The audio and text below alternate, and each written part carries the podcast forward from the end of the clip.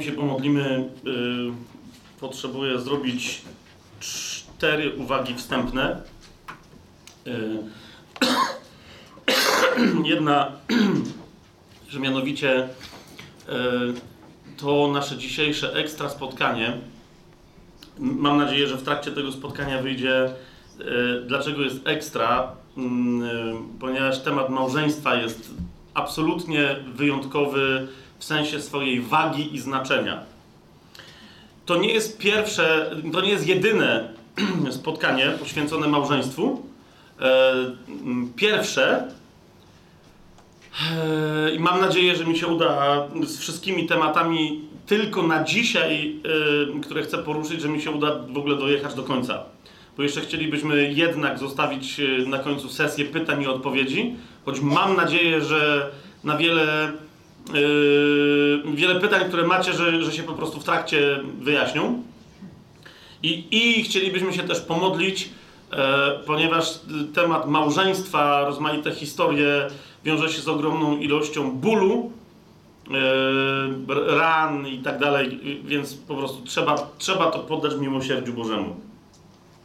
E, dlaczego 22 będziemy dopiero emitować e, nagranie z tego dzisiejszego spotkania? Ponieważ dla mnie osobiście, ze względu na siódmy rozdział pierwszego listu do Koryntian, e, to jest temat wydatnie związany z pierwszym listem do Koryntian.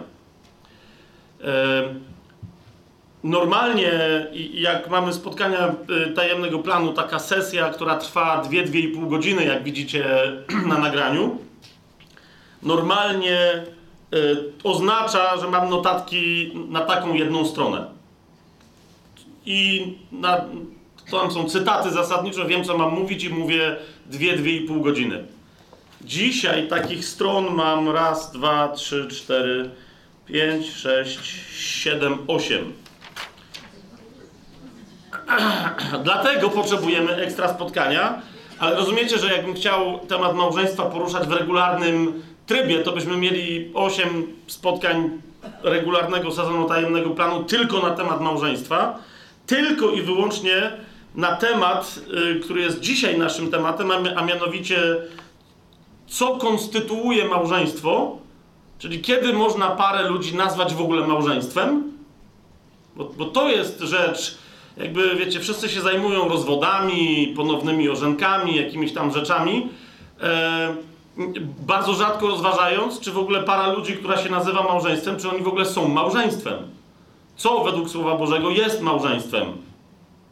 Eee, jak wygląda sytuacja małżeństwa i czy istnieje taka możliwość, żeby małżeństwo, e, związek dwojga ludzi e, według Słowa Bożego uznane za małżeństwo, E, czy jest taka możliwa sytuacja, żeby ci ludzie się rozeszli i następnie, żeby się mogli ożenić albo wyjść za mąż za kogoś innego? Czy... I rozumiecie, to są zasadniczo trzy pytania, na które ja dzisiaj będę odpowiadać. Ale mamy za sobą, e, nawet jako biblijnie wierzący chrześcijanie, kilkaset lat kłótni obyczajowych, pseudoteologicznych i teologicznych, e, bo nie wszystkie były pseudoteologiczne na ten temat plus półtora tysiąca lat wpływu religii rzymskokatolickiej na te ostatnie kilkaset lat reformacji i całe potężne naleciałości starożytności. Dzisiaj nawet nie wiem, czy dam radę to, to zrobić, ale, ale kto, kto zna temat, to zauważy, jak dużo w dzisiejszej teologii małżeństwa Kościoła rzymskokatolickiego E, jak dużo z tej teologii to jest po prostu agenda państwowa Imperium Rzymskiego, którą religia rzymskokatolicka, na przykład gdy chodzi o etykę seksualną, po prostu automatycznie e, podjęła i narzuciła małżeństwo. Ale, ale zagadnienia takie jak e, właśnie jak kwestie seksualne, jak się przygotowywać do małżeństwa, czyli narzeczeństwo, jak ma wyglądać udane małżeństwo, ponieważ według planu Bożego małżeństwo nie jest karą dla człowieka, ale jest błogosławieństwem, czymś, co między mężczyzną a kobietą tworzy synergię. Także mężczyzna bez kobiety, mm -mm, a kobieta bez mężczyzny, mm po, po, prostu nie, nie, nie, nie, nie pójdzie e, i nie osiągnie swojego potencjału, więc e, te wszystkie zagadnienia, dzisiaj na, właśnie w ogóle nie będziemy mówić, jasne, że pewne teksty dotkną e, biblijne, które będziemy się powo powoływać, dotkną e, kwestii szczęścia małżeńskiego, bo, bo, bo wolą Bożą jest, żebyśmy żyli w szczęśliwych małżeństwach. E, ale w ogóle e, całej masy tekstów biblijnych w ogóle nawet nie przywołam dzisiaj, które, które pokazują, co stanowi klucz takiej, takiego szczęścia w małżeństwie. Tego się będą tyczyć dopiero następne spotkania. To jest jasne? Dzisiaj mówimy, co to jest małżeństwo, co konstytuuje małżeństwo, e, czy jak długo trwa małżeństwo, czy y, to jedno z dzisiaj wydawałoby się najważniejszych zagadnień teologicznych, czy małżeństwo jest rozerwalne, czy nierozerwalne, i, a skoro gdyby się okazało, że jest rozerwalne, to w takim razie czy, czy ono pozwala na, na kolejne małżeństwo, to rozerwanie, czy, czy nie pozwala. Yy, I wszystko, cokolwiek dzisiaj powiem, yy, yy, kochani, yy, ja nie, wiecie, ja, ja nie jestem papieżem żadnym, tak? I, I, a nawet jako nauczyciel nie mam takiej tendencji, żeby komuś mówić, to ja mam rację i jakbym miał taką tendencję, to bym nie podawał 100 tysięcy cytatów, tak? Chcę wam pokazać mój tok myślenia i was zaprosić do, do sprawdzenia tego toku myślenia, a nie przyjęcia tego, co ja mówię na wiarę mnie. Jest to jasne? Przyjmij yy, wierząc Panu i Jego Słowu. To, co powiem, sprawdź, więc jak się ze mną nie zgadzasz, zupełnie. Ja zresztą, wiecie, w pewnych kontrowersyjnych momentach będę chciał pokazać inne stanowiska, żeby było jasne, między czym a czym można wybierać i dlaczego ja się decyduję wybrać jakąś tam opcję. Jest to jasne? Na pewno będziemy, ponieważ jesteśmy, właśnie, ponieważ to jest ekstra spotkanie, dodatek do, do ósmego sezonu Tajemnego Planu, który głównie y, y, dotyka zagadnień pierwszego listu do Koryntian, to, to również dzisiaj proszę Was, żeby wszystko, cokolwiek będziemy tu robić, rozważać, żebyśmy pamiętali, że, że w centrum naszego głoszenia jest krzyż. Krzyż jako nasza dobra nowina, nasza mądrość i nasza moc. Nie chodzi nam o ludzką mądrość. W pierwszym liście do Koryntian pierwszym rozdziale, w 18 wersecie, Paweł e, mówi, to jest pierwsze do Koryntian 1,18, Paweł mówi, mowa o krzyżu, bowiem jest głupotą dla tych, którzy giną, ale dla nas, którzy jesteśmy zbawieni, jest mocą Boga. I to jest moc, której dzisiaj potrzebujemy do tego, żeby, żeby się z pewnymi rzeczami rozprawić, e, żeby przyjąć miłosierdzie od Pana, żeby wyjść stąd umocnionymi. Nie chcę powiedzieć ani jednej rzeczy, która miałaby kogokolwiek tutaj osłabić. Ale jeszcze raz, jeżeli ktoś nie chce pewnych rzeczy jako wierząca osoba przyjąć przez krzyż, to stąd może wyniknąć osłabienie. Tak? Podejście światowe do krzyża powoduje, że człowiek tam, gdzie Bóg ma mądrość, człowiek widzi tylko głupotę. To jest, to jest światowe podejście. My patrzymy przez krzyż. E, w 23 wersecie tego pierwszego rozdziału Paweł mówi: My głosimy Chrystusa ukrzyżowanego, który dla Żydów wprawdzie jest zgorszeniem, a dla Greków głupotą, ale dla tych, którzy są powołani zarówno dla Żydów, jak i Greków, głosimy Chrystusa, moc Bożą i mądrość Bożą. A zatem jeszcze, jeszcze raz, centrum wszystkiego, o czym dzisiaj będziemy mówili, jest Chrystus ukrzyżowany, jest pusty krzyż zmartwychwstałego, na którym wykonało się Amen? Ok. Teraz yy, druga część. Ja sobie zdaję sprawę, że podejmujemy zagadnienie bardzo trudne ze względu na świat, w którym my żyjemy, ze względu na czas i kulturę, w, w których żyjemy, ale właśnie ze względu na krzyż, który jest naszą mocą i który jest naszą mądrością, e, naszym obowiązkiem, naszym obowiązkiem, naszym życiem jest stać jednoznacznie po stronie Pana, po, po stronie ukrzyżowanego, po stronie zmartwychwstania. Amen? Bez żadnych kompromisów e, ze światem, ponieważ, ponieważ to się zawsze dla chrześcijanina, kompromis ze światem musi źle e, skończyć. W pierwszym liście Jana w pierwszym liście Jana, w drugim rozdziale, w 15 wersecie i dalej, Paweł pisze tak. Nie miłujcie świata, ani tego, co jest na świecie. Jeśli ktoś miłuje świat, nie ma w nim miłości Ojca. Wszystko bowiem, co jest na świecie, porządliwość ciała, porządliwość oczu i pycha żywota, nie pochodzi od Ojca, ale od świata. A świat przemija wraz ze swoją porządliwością, ale kto wypełnia wolę Boga, trwa na wieki. Nie pójście na kompromis ze światem oznacza wypełnianie woli Bożej. Amen? I, I, to jest dokładnie to, czego szukamy. W momencie, kiedy wypełniamy wolę Bożą, wówczas mamy życie i możemy być szczęśliwi, bo jak mówili z do Rzymian, 12 rozdział, wola Boża jest dobra, mm, miła i przyjemna. W liście Jakuba w czwartym rozdziale, w czwartym wersecie nomen omen to jest ważne dla naszego dzisiejszego zagadnienia e, w najszerszym nawet sensie.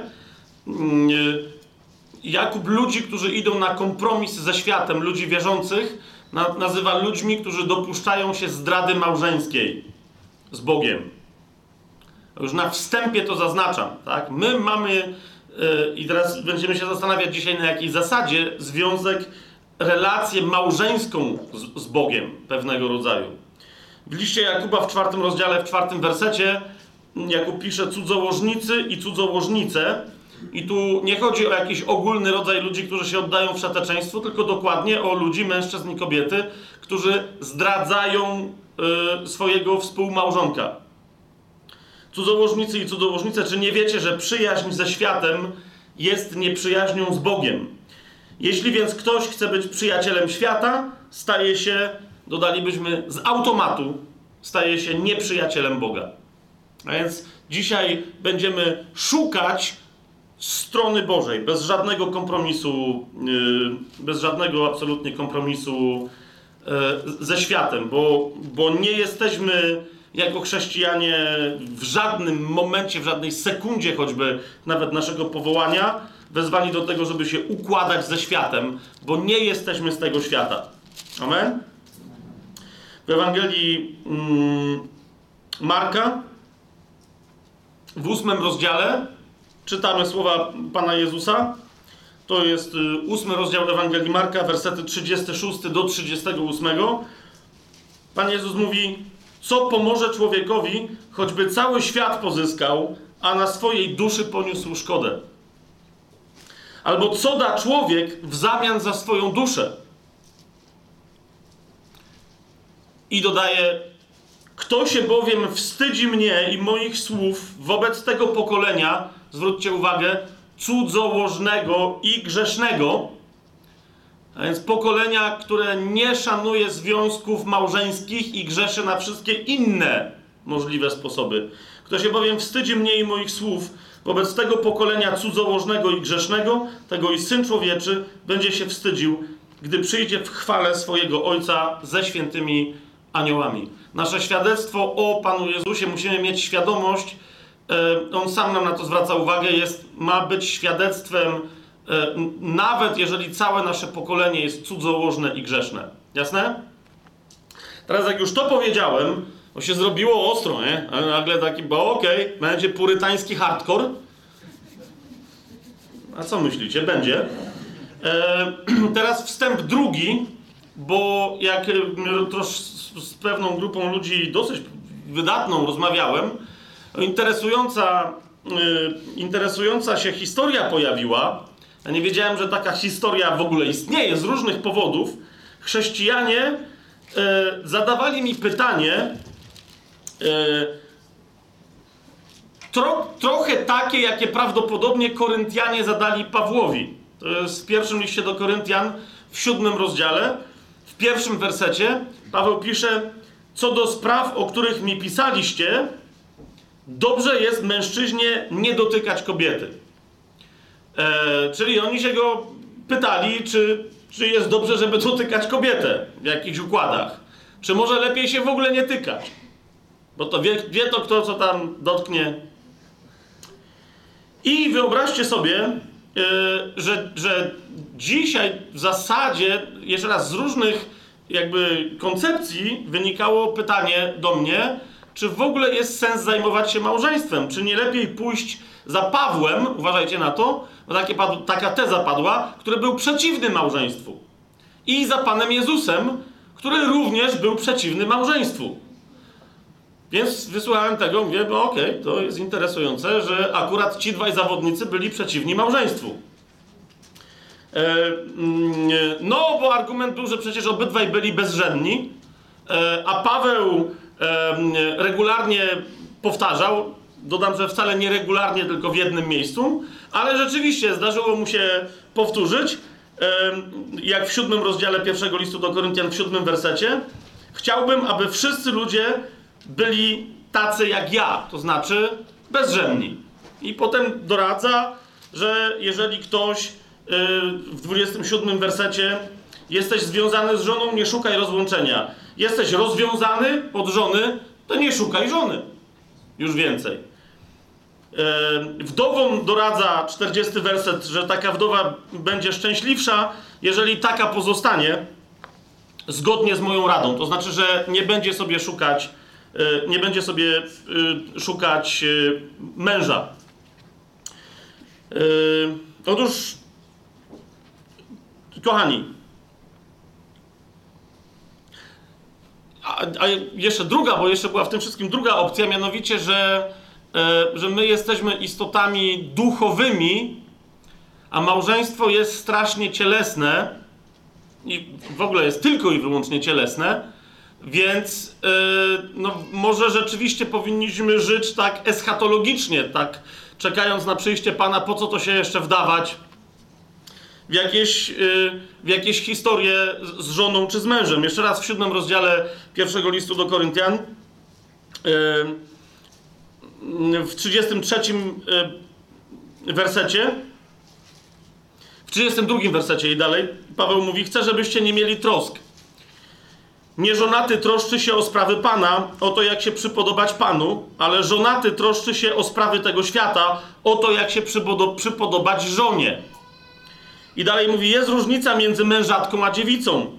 Niezamężna troszczy się o sprawy Pana, o to by była święta i ciałem i duchem. Mężatka zaś troszczy się o sprawy tego świata, o to, jak przypodobać się mężowi. Okej, okay, tylko zaraz Paweł kontynuuje, że ta jego wypowiedź jest przez niego przywołana dla naszego dobra. Mówię to dla waszego dobra, nie aby zarzucać na was sidła. O co chodzi? Po pierwsze, małżeństwo rzeczywiście, i musimy się z tym zgodzić, małżeństwo rzeczywiście, i to może być pierwsza rzecz, a to jest dopiero wstęp B. U mnie, ok? Jeszcze nie zaczęliśmy tematu. E, nie, niektórzy mogą się zdziwić tym, co teraz powiem, ale zwróćcie uwagę, małżeństwo rzeczywiście nie ma charakteru związku duchowego, ale małżeństwo jest li tylko i wyłącznie cielesne. Bum! List do Rzymian, chociażby siódmy rozdział, ale oczywiście wiecie o co chodzi. List do Rzymian, siódmy rozdział, pierwszy werset do trzeciego, Paweł przywołuje prawdę z prawa. Zaraz wyjaśnię, co się dzieje, bo już widzę, patrzycie na mnie, jak to, czyli co? Wyjaśnimy, co się dzieje. Co to znaczy, że małżeństwo jest cielesne, a nie jest duchowe? Nie ma charakteru. W jakim sensie? Paweł w liście do Rzymian, 7 rozdział, pierwszy werset do trzeciego mówi: Czy nie wiecie, bracia, bo mówię do znających prawo, że prawo panuje nad człowiekiem, dopóki on żyje. I kontynuuje, podając przykład, co to znaczy, że prawo panuje nad człowiekiem, dopóki on żyje. Mówi: Zamężna kobieta bowiem dopóki mąż żyje, jest z nim związana prawem. A jeżeli mąż umrze, zostaje uwolniona od prawa męża. Tak więc, dopóki mąż żyje, będzie nazywana cudzołożnicą, jeśli zostanie żoną innego mężczyzny. Jeżeli jednak jej mąż umrze, jest wolna od tego prawa, tak, że nie będzie cudzołożnicą, choćby została żoną innego mężczyzny. I dlatego w wielu różnych formach przysięgi mówi się, ślubuje ci miłość, wierność i tak dalej, i tak dalej, dopóki śmierć nas nie rozłączy. Tak? to gdyby małżeństwo miało charakter duchowy, co by to oznaczało? To by oznaczało, że bylibyśmy małżeństwem także po śmierci. Ok? Także po, no dokładnie na takiej zasadzie saduceusze ośmieszali w ogóle ideę zmartwychwstania. E, ale zanim tam dojdziemy, otwórzmy sobie list y, do Kolosan.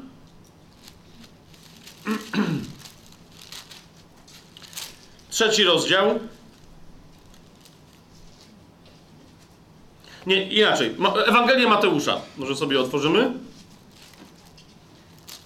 22 rozdział, bardzo y, szybko.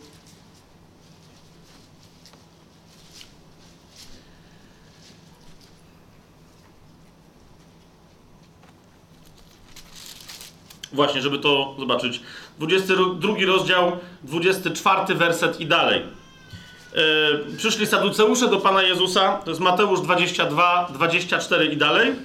Przyszli saduceusze i pytają go, nauczycielu, Mojżesz powiedział, jeśli ktoś umrze, nie mając dzieci, to jego brat ma ożenić się z jego żoną i wzbudzić potomstwo swojemu bratu. Było więc u nas siedmiu braci. Pierwszy ożenił się i umarł, a nie mając potomstwa zostawił żonę swojemu bratu. Podobnie drugi i trzeci, aż do siódmego, a w końcu po wszystkich umarła też ta kobieta. Żoną którego z tych siedmiu będzie więc przy zmartwychwstaniu? Gdyż wszyscy oni mieli tę samą żonę. A Jezus im odpowiedział: Błądzicie, nie znając ani pisma, ani mocy Boga. I dodaje: Przy zmartwychwstaniu bowiem ani nie będą się żenić, ani za mąż wychodzić, ale będą jak aniołowie Boga w niebie. To wiecie o co chodzi? Małżeństwo kończy się wraz z faktem śmierci męża czy żony. I łączy się, kończy się dla dwóch stron.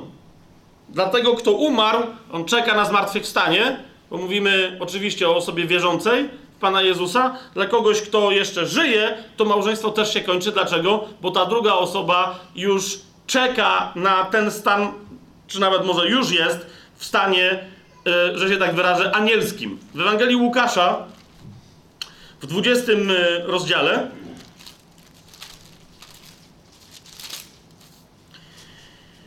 e, to są wersety 34 i dalej. To jest dokładnie paralelny tekst tylko nieco inaczej tam ten, e, ta wypowiedź Pana Jezusa wygląda. On mówi, mm, e, bo jest dokładnie ten sam przypadek, tak? Saduceusze mówią o tamtych e, siedmiu braciach, którzy mieli jedną żonę po kolei. A on im mówi, to jest 34 werset 20 rozdziału. Dzieci tego świata żenią się i za mąż wychodzą. Dzieci tego świata żenią się i za mąż wychodzą. Lecz ci, którzy są uznani za godnych dostąpienia tamtego świata i powstania z martwych, ani się żenić nie będą, ani za mąż wychodzić. Nie mogą bowiem więcej umrzeć, bo są równi aniołom i będąc dziećmi zmartwychwstania, są dziećmi bożymi. A więc faktem jest, że małżeństwo ma charakter yy, cielesny, a nie duchowy i dlatego po zmartwychwstaniu nie będzie... Yy, nieść ze sobą żadne nasze małżeństwo tu na ziemi, żadnych skutków dla naszego stanu w przyszłości. Amen? Ale to jest, to jest niezwykle istotne. Pierwszy do Koryntian e, sobie otwórzmy.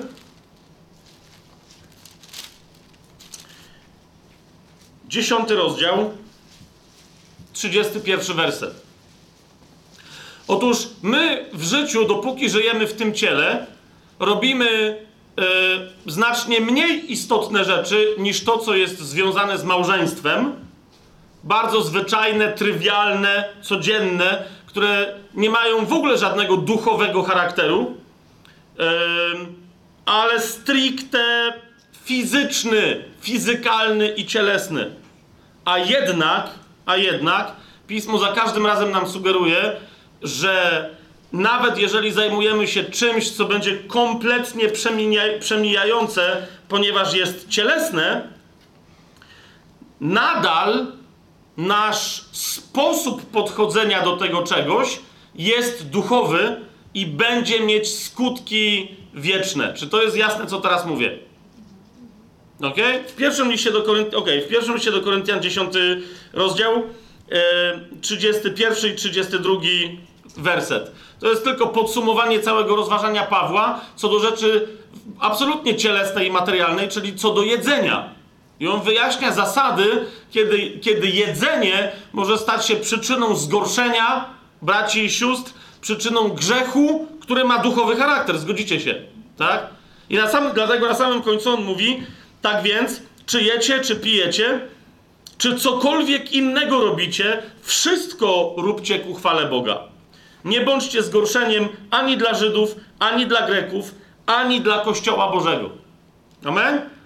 Więc to, że małżeństwo ma charakter fizyczny i cielesny, to jest jedno, a to, że nasze podejście do czegokolwiek, nawet fizycznego i cielesnego, ma swoją wymowę duchową, to jest drugie i to jest najważniejsze. Mamy zgodę w tym, yy, w tym względzie? Pierwszy list do Tymoteusza, yy, jak sobie otworzymy, tam Paweł Tymoteuszowi jest pierwszy do Tymoteusza, czwarty rozdział, pierwszy werset. A propos tego, czy Paweł y, był przeciwnikiem małżeństwa w związku z tym? Nie. Zaraz sobie wyjaśnimy, czego Paweł był zwolennikiem, natomiast czy był przeciwnikiem? Absolutnie nie. Co więcej, to jest pierwszy list do Tymoteusza, czwarty rozdział, wersety 1 do 4. Ostrzegał, mówiąc, a duch otwarcie mówi, że w czasach ostatecznych niektórzy odstąpią od wiary, dając posłuch zwodniczym duchom i naukom demonów, mówiąc kłamstwo w obłudzie i mając napiętnowane sumienie. Jakie to są nauki demonów? On podaje tylko dwie odmiany yy, takiej nauki demonów. Mianowicie mówi, że będą zabraniać wstępować w związki małżeńskie i nakazywać powstrzymywać się od pokarmów, które Bóg stworzył, aby je przyjmowali z dziękczynieniem wierzący i ci, którzy poznali prawdę. Widzicie to? Paweł zabranianie wstępowania w związki małżeńskie nazywa nauką demonów, zwłaszcza w połączeniu e, z jakimiś formami stosowania jakiejś diety, że czegoś nam nie wolno jeść, że jakieś, że jakieś pokarmy są straszliwie zakazane przez Boga i tak dalej, i tak dalej. Mówi, to nie jest Boże nauczanie, to jest nauka demonów. A więc Paweł y, y, absolutnie nie mógłby być przeciwko małżeństwu. W piątym rozdziale, skoro jesteśmy w tym Tymoteusza, to jeszcze przeskoczmy do 14 wersetu, wręcz zachęca. On mówi, że jeżeli jakaś kobieta wyszła za mąż, to okej. Okay. W pierwszym do Koryntian on mówi, że no to wdowa niech pozostanie e, samotna. Ale zauważcie, jeżeli ona jest odpowiednio młoda, bo Tymoteuszowi tłumaczy w dziewiątym wersecie do wdów niech będzie zaliczona taka, która nie ma mniej niż 60 lat. Ok? Ale jeżeli jej mąż umarł, a ona jest młodsza niż 60 lat, to zauważcie, 14 werset, Paweł mówi, chcę więc, żeby młodsze wychodziły za mąż. I tak dalej, i tak dalej, i tak dalej. Wiecie o co idzie? E, Paweł w pierwszym do Koryntian w siódmym rozdziale mówi o wstrzemięźliwości e, i byciu bezrzędnym tylko w pewnym e, bardzo określonym kontekście, a ten kontekst jest kontekstem daru. Paweł mówi, że kto otrzyma taki dar od Pana, to lepiej, żeby z niego skorzystał, bo nadal wolno mu się ożenić albo takiej osobie wyjść za mąż, ale lepiej, żeby skorzystał z takiego daru. Okay? Czyli żeby został sam. Ale mówi, jeżeli ktoś nie ma takiego daru, to niech się ożeni albo wyjdzie za mąż, bo inaczej będzie płonąć. I to nie muszę chyba nikomu tłumaczyć, co to, co to oznacza, zwłaszcza, że do tego wątku jeszcze przejdziemy. Więc Paweł, nie, Paweł nie jest przeciwny małżeństwom, wręcz przeciwnie niż przeciwnie. Jest jak najbardziej za. Natomiast co do Pana Jezusa, kochani, to jest w ogóle jakieś podstawowe nieporozumienie, które wynika z nauczania Kościoła rzymskokatolickiego, stosunkowo dziwacznego, jak się mu przyjrzycie, mianowicie, że Pan Jezus jest wzorem osoby bezżennej. Z całym szacunkiem, Pan Jezus jest mężczyzną żonatym w Biblii. Pan Jezus jest mężczyzną żonatym. Jeszcze raz powtórzę. Pan Jezus jest mężczyzną żonatym. Ok? Jan, otwórzcie sobie Ewangelię Jana, yy, trzeci rozdział. Co się tam dzieje? Przychodzą do, do Jana Czciciela, a jest człowieka, który rozpoznał w Jezusie baranka Bożego który gładzi grzech świata, przychodzą jego uczniowie, to jest trzeci rozdział, 26 werset, i mówią Janowi o Jezusie, co następuje. I przyszli do Jana i powiedzieli mu: Mistrzu, ten, który był z tobą za Jordanem, o którym ty dałeś świadectwo, oto on chrzci, a wszyscy idą do niego. Odpowiedział Jan: Człowiek nie może otrzymać niczego, jeżeli mu nie będzie dane z nieba. Wy sami jesteście mi świadkami, że powiedziałem: Ja nie jestem Chrystusem, ale jestem posłany przed nim. I teraz uważajcie, co mówi na temat Chrystusa. Kto ma oblubienicę, ten jest oblubieńcem. Słowo oblubienica tutaj po grecku oznacza bardzo wyraźnie panią młodą. Kto ma panią młodą, ten jest panem młodym. A przyjaciel oblubieńca, Jan Chrzciciel przedstawił siebie jako przyjaciela oblubieńca, to jest ktoś, kogo my byśmy nazwali drużbą, pierwszym drużbą na weselu. Okay? Jan Chrzciciel siebie uważał za pierwszego drużbę na weselu Mesjasza. Czy na weselu, bo na, ślub, na ślubie nie mogło go być. Więc mówi, kto ma panią młodą, ten jest panem młodym, a przyjaciel pana młodego, który stoi i słucha go, raduje się niezmiernie z powodu głosu pana młodego. Dlatego ta moja radość stała się pełna. Widzicie to? Pan Jezus jest, Pan Jezus jest yy, mężczyzną żonatym, jest panem młodym. Teraz, oczywiście, bo ktoś powie, to zaraz, zaraz, ale to kiedy on się ożenił? On rzeczywiście bardziej tu jest narzeczonym niż panem młodym, już po weselu, po ślubie, ponieważ z pewnych względów, nie będę dzisiaj tego rozważał, yy, w ogóle dzisiaj nie damy rady, ale tylko wam zwracam uwagę, że wszystko wskazuje na to, że ślub Pana Jezusa, jak już wiemy, kto to jest Pani Młoda, odbył się na krzyżu. Tak zupełnie między nami mówiąc, to jest zupełnie tak, wiecie, to jest bardzo mało osób, więc tak zupełnie tak na ucho ci tylko mówię. Masa ludzi, nawet protestantów, nie umie sobie poradzić z historią, po co Pan Jezus powiedział uczniowi swojemu, Janowi, to jest twoja matka, do niej powiedział, niewiasto, to jest twój syn. Pamiętacie tę scenę? No i tam rzymski katolicyzm tłumaczy, że w ten sposób Maria stała się matką Kościoła i te... Ja już pomijam, że jeżeli Jezus się żeni z Kościołem, a Maria miałaby, miałaby być matką Kościoła, to znaczy, że Jezus żeni się ze swoją siostrą. To jest kazirodztwo. Rozumiecie, o co mi chodzi? Ale teraz uważajcie, druga rzecz. Maria ma być częścią Kościoła. Zgadza się? Bo Jezus powiedział, kto wypełnia wolę mojego Ojca, ten mi jest moją matką, yy, siostrem, siostrą, bratem i tak. Pamiętacie to, tak? Teraz więc co robi Jezus wobec swojej matki? Pozwala jej bez żadnych dodatkowych problemów znaleźć się pełnoprawnie w swoim ciele jako, jako swojej oblubienicy. Byłby pewien problem z punktu widzenia znacznie większy niż to, że Jezus jest Bogiem w ciele dla Żydów, gdyby się okazało, że częścią oblubienicy jest jego własna matka. Rozumiecie o co mi chodzi? Więc Jezus się jej pozbywa, że tak powiem, z całego swojego układu rodzinnego, po to, żeby ona mogła następnie stać się częścią jego oblubienicy. Jest to yy, w miarę zrozumiałe, co teraz gadam? Jak nie jest, Sara co poradzić? Później będę. A jest, okej, okay, dobrze. Przemyślcie to sami, yy, później to będę wyjaśniać.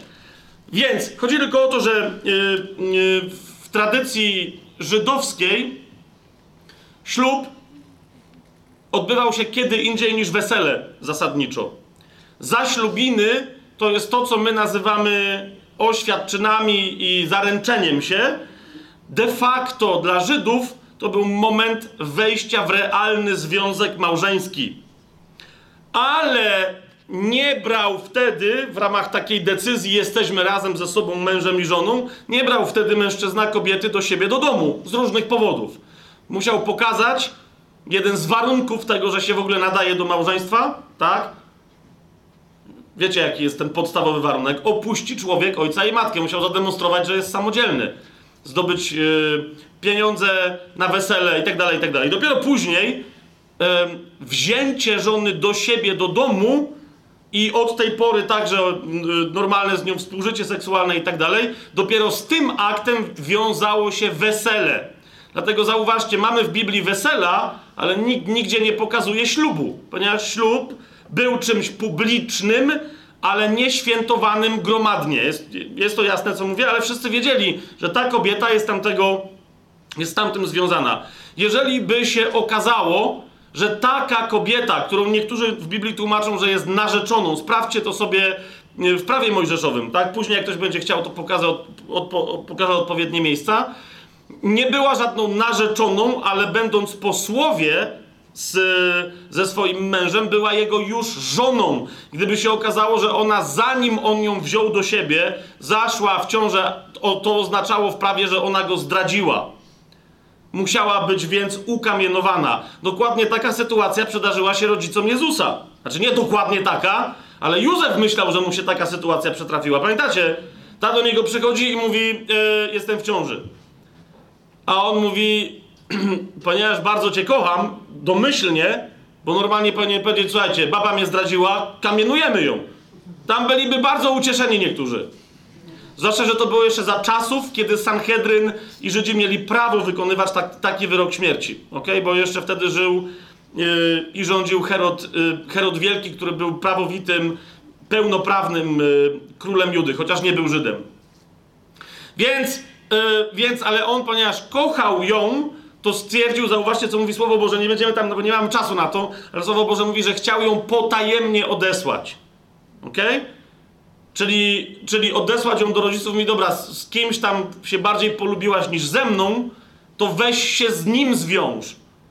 Ten ślub najwyraźniej nie był, nie dotarł aż tak bardzo do wiedzy publicznej, rozumiecie o co chodzi? Że on uznał, że to będzie, to okej, okay, możemy to rozwiązać, bo, bo powiedzmy, że prawo mojżeszowe dawało jedną taką furteczkę do te, w tego typu sytuacji, tak?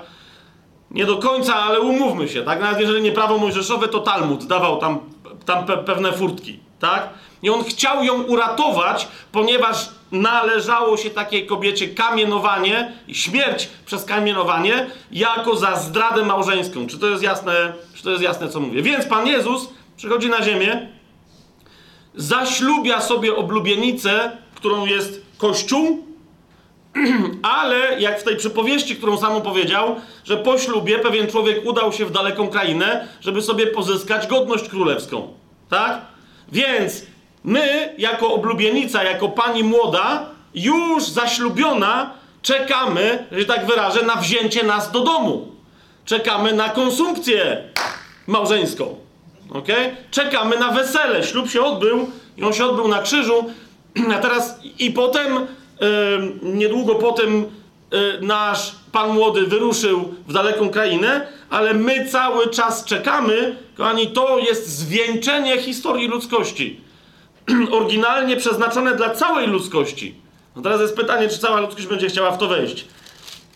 Ale my czekamy dokładnie na to wielkie wesele, yy, które Panu Jezusowi się należy. Okay? Wszędzie Paweł na przykład do Koryntian mówi: Słuchajcie, ja was zaślubiłem jako dziewicę czystą.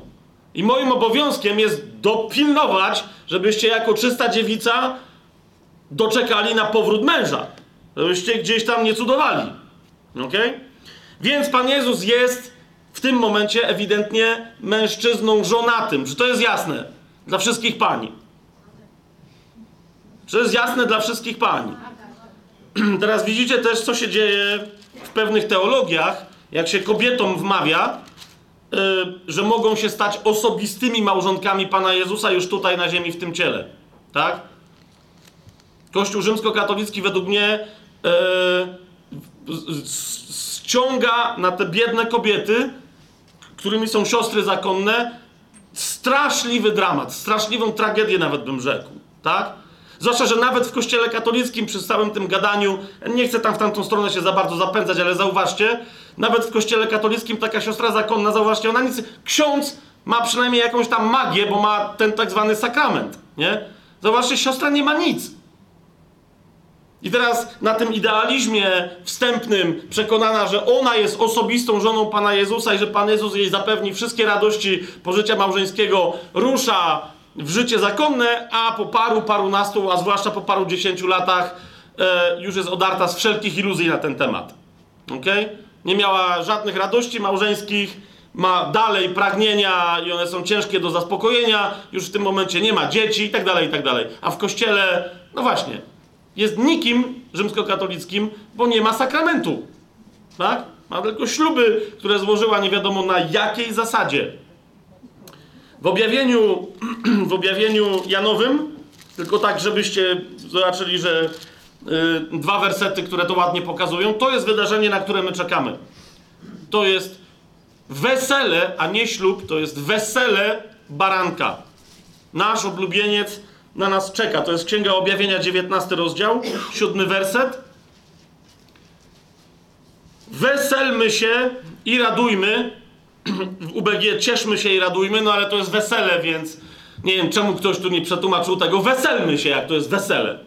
Weselmy się i radujmy i oddajmy mu chwałę, bo nadeszło wesele baranka, a jego małżonka się przygotowała. I dano jej ubrać się w bisior czysty i lśniący, i lśniący, bo bisior to sprawiedliwe czyny świętych. I powiedział mi, napisz błogosławieni, którzy są wezwani na ucztę weselną baranka. W 21 rozdziale, w 9 wersecie yy, czytamy jeszcze, przyszedł do mnie jeden z siedmiu aniołów, którzy mieli siedem czasz napełnionych siedmioma ostatecznymi plagami. To już jest po tych plagach. I odezwał się do mnie, mówiąc: Chodź tutaj, pokażę ci panią młodą, małżonkę baranka. I przeniósł mnie w duchu na górę wielką i wysoką, i pokazał mi wielkie miasto, święte Jerusalem, stępujące z nieba, yy, stępujące z nieba od Boga. Gdyby ktoś miał możliwość, yy, wątpliwość, że to my ci, którzy będą e, zbawieni pierwszym zmartwychwstaniem, że to, że to o nas chodzi w liście do Efezjan, no bo gdzie? W liście do Efezjan w piątym rozdziale, w 31 i 32 wersecie czytamy klasyczny werset z początku Biblii odnoszący się do małżeństwa i Paweł tak go komentuje. To jest Piąty rozdział Efezjan 31-32. Dlatego opuści człowiek swojego ojca i matkę i połączy się ze swoją żoną i będą dwoje jednym ciałem. To jest na temat małżeństwa. Zgadza się? Opuści człowiek ojca i matkę, będą jednym ciałem. I teraz zauważcie, Paweł mówi, tajemnica to wielka, ale ja mówię w odniesieniu do Chrystusa i Kościoła.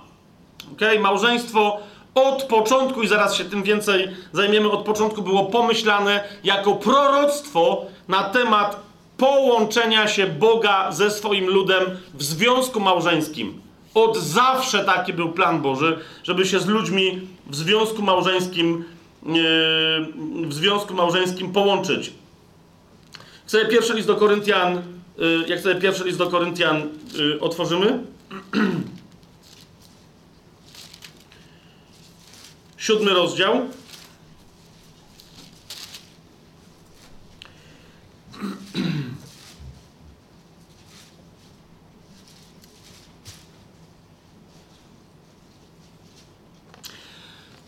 A propos tego, o czym mówiłem, w siódmym wersecie czytamy zatem, że małżeństwo, podobnie jak i bezrzędność, to są rozwiązania, jakie Bóg dla nas ma, które służą temu ostatniemu rozwiązaniu, czyli naszemu wspólnemu małżeństwu z Panem Jezusem. I, w, I to, czy my mamy być samotni, czy mamy wejść w związek małżeński, zależy od daru, który w związku z tym Bóg nam, którego Bóg nam udziela. Chciałbym bowiem, aby wszyscy ludzie byli tacy jak ja, uważajcie na to, ale każdy ma swój własny dar od Boga. Jeden taki, a drugi inny. Jasne? On wcześniej mówi o małżeństwie i o byciu wolnym. Mówi, każdy ma swój dar od Boga, jeden taki, drugi inny. Jeżeli ktoś nie otrzymał daru bycia samotnym, to na pewno otrzymał od Boga dar szczęśliwego małżeństwa. I będziemy dzisiaj się y, nieco, więcej tym, y, nieco więcej tym zajmować. W dziewiątym rozdziale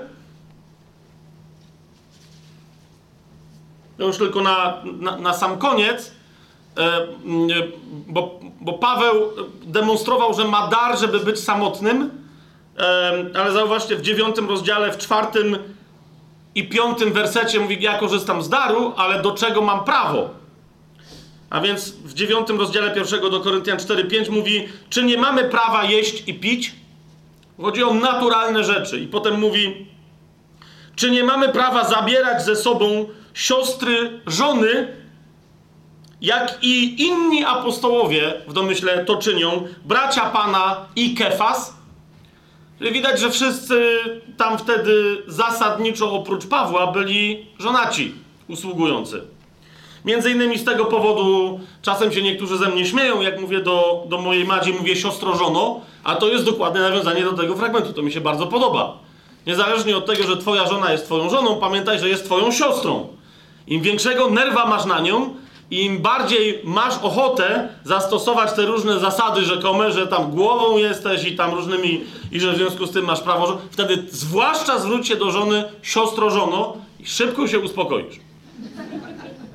Bardzo szybko się uspokoisz. Teraz, kochani, e, wstęp C, to jest, jesteśmy cały czas we wstępie, ale już sobie wiele wyjaśniliśmy, bo zaraz przechodzimy, no, Ewangelia Jana, a są dwa fragmenty, bo ktoś mi powiedział, że a tam będziemy, co tam będziesz rozważać, wystarczy popatrzeć, co Pan Jezus zrobił na temat małżeństwa i naśladujemy Go i wszystko gra. Więc mam dla Was y, taką informację, że no Pan Jezus y, praktycznie do małżeństwa, inaczej, do problemów małżeńskich podchodził dwukrotnie e, i wiele z tego wynika, ale niewiele z tego wynika dla prawników, którzy by chcieli w Biblii znaleźć proste prawo i potem je stosować i łoić tym prawem ludzi po głowach. Pierwsza taka instancja, kiedy Pan Jezus ma do czynienia z pewnym problemem, to jest Ewangelia Jana, czwarty rozdział, od wersetu 16 do 19. Pan Jezus rozmawia z Samarytanką. Ona mu mówi w pewnym momencie, jak się okazuje, że on jej może dać wody żywej, która jak się napije, to w ogóle nie będzie musiała więcej pić. Ona do niego mówi, panie, to jest 15 werset, werset mówi, panie, daj mi tej wody, żebym nie pragnęła, nie przychodziła tu czerpać. To jest, wiecie, to jest woda żywa życia wiecznego, tak? Więc na to Jezus wtedy odpowiada jej, idź, zawołaj swojego męża w takim razie i przyjdź tu z nim. I ona mu odpowiada, 17 werset, nie mam męża. Na co Pan Jezus Dobrze powiedziałaś, nie mam męża. Miałaś bowiem pięciu mężów, a ten, którego masz teraz, nie jest twoim mężem. Prawdę powiedziałaś. Na co ona ma dosyć dziwną reakcję. Zauważcie, że Jezus to, co powiedział, nie miał w sobie tego zadęcia klerykalnego. Wiecie o co mi chodzi, że o, właśnie, ja wiem, miałaś mężu, a nie masz mężu. Musiał, rozumiecie, bo ona zamiast się jakoś struć, zafrapować, zamiast tam się schować sobie jak żółw w skorupie. Zauważcie, ona reaguje na to, mówi, panie, widzę, że jesteś prorokiem. Spodekscytowana, rozumiecie, spodemwijacie. Chłop, ona potem leci do, do miasta i mówi, ej, słuchajcie, chłop mi wszystko powiedział. Przecież mnie nie zna. Ktoś go widział? Nie. A on mi wszystko powiedział. Ale czad. Ale ci, którzy szukają u Pana Jezusa postawy prawnej, są wściekli na ten fragment, bo mówią, no dobra, no ale co on z nią zrobił? No przecież cudzołożnica, tak? Co się dzieje? A, a może nawet wszetecznica. Więc yy, nie wiemy. Jest jeszcze drugi bardzo istotny, bo zaraz do tego wrócę, jaka stąd lekcja wynika. Na pewno nie wynika stąd lekcja żadnego prawa, tak? Wynika tylko lekcja na temat tego, jak postępować z ludźmi, którzy mogli w ramach historii małżeńskich gdzieś się nawet bardzo mocno zapędzić. Teraz w Ewangelii Jana też w ósmym rozdziale mamy drugą historię, bardzo poważną, bardzo poważną, bo tam właśnie przylatują tacy, co wiedzą. Tam przylatują pieniacze, e, Same klerykały. Na, nawet powiedziałbym, tacy, co do biskupów przychodzą i im mówią, źle się prowadzisz, biskupie, ja wiem lepiej. Faryzeusze przylecieli. To jest ósmy rozdział, yy, trzeci werset. Przylecieli faryzeusze yy, ze specjalistami od prawa kanonicznego. Przyprowadzili do niego uczeni w piśmie i faryzeusze kobietę przyłapaną na cudzołóstwie, a postawiwszy ją pośrodku, powiedzieli do niego: Nauczycielu, tę kobietę przyłapano na uczynku cudzołóstwa. Na gorącym uczynku została przyłapana, rozumiecie? W prawie Mojżesz nakazał nam takie kamienować. A ty co mówisz? No i tu się zaczyna cała sensacyjna historia ze sławnym zachowaniem Pana Jezusa, który, bo oni mówili to wystawiając, jak czytamy w szóstym wersecie, go na próbę, żeby mogli go oskarżyć, Jezus, za, Jezus zaś schyliwszy się pisał palcem po ziemi. A gdy go nie przestawali pytać, podniósł się i powiedział do nich, kto z was jest bez grzechu, niech pierwszy rzuci w nią kamieniem. I znowu schyliwszy się, pisał po ziemi. Bardzo istotny, bardzo jasny dla nich gest. A gdy oni to usłyszeli, będąc przekonani przez sumienie, zwróćcie uwagę na, na to sformułowanie. Będąc przekonani przez sumienie, odchodzili jeden po drugim, począwszy od starszych aż do ostatnich. Starsi byli mądrzejsi, szybko się zorientowali, że tu się nie ma co wdawać dalej w tą dyskusję, bo to się tylko dla nas źle skończy z tym facetem. Potem młodsi, bo młodsi jednak chcieli kogoś zabić, po prostu. A przynajmniej poszturchać, poturbować, pobić, zwłaszcza kobietę, zwłaszcza w całym swojej, swojej gorliwości religijnej. Czemu nie? No ale oni się potem zorientowali, starsi poszli, potem ci w średnim wieku, okej, okay, to, to ci najmłodsi też stwierdzili, dobra, to my już nie mamy co cwaniakować, bo potem my się aż tak dobrze na prawie nie znamy. A gdy, więc jak oni już poszli, pozostał tylko sam Jezus i ta kobieta stojąca po środku, a Jezus podniósł się i nie widząc nikogo oprócz tej kobiety, powiedział do niej: Kobieto, gdzież są ci, którzy cię oskarżali? Nikt cię nie potępił? Ona odpowiedziała: Nikt, panie. A Jezus do niej: I ja ciebie nie potępiam. Idź i już więcej nie grzesz. Nie będę się wdawać tu w całą tą historię, co tu Pan Jezus powiedział, ale między innymi powiedział, że On wie, bo był prorokiem, o tym już wiemy, że On wie, że to nie był jednorazowy przypadek.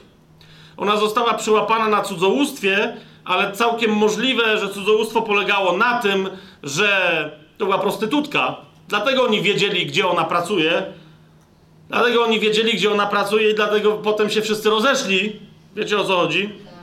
To nie, nie tylko dlatego, ale, ale więc wiedzieli, że tam ktoś do niej może pójść i wiedzieli, że ją przyłapią, ponieważ cudzołóstwo było grzechem, w ramach którego nie obydwie osoby koniecznie zdradzają współmałżonków, tak?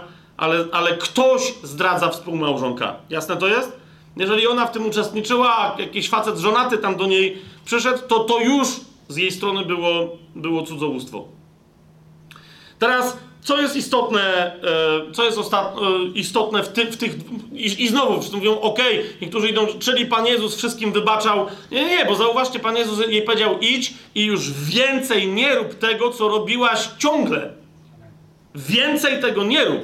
A zatem my się, jeżeli gdzieś jest grzech, grzech jest grzechem i my jako wierzący uczniowie, uczennice Pana Jezusa musimy, musimy się z nim zmierzyć i musimy się z nim rozprawić.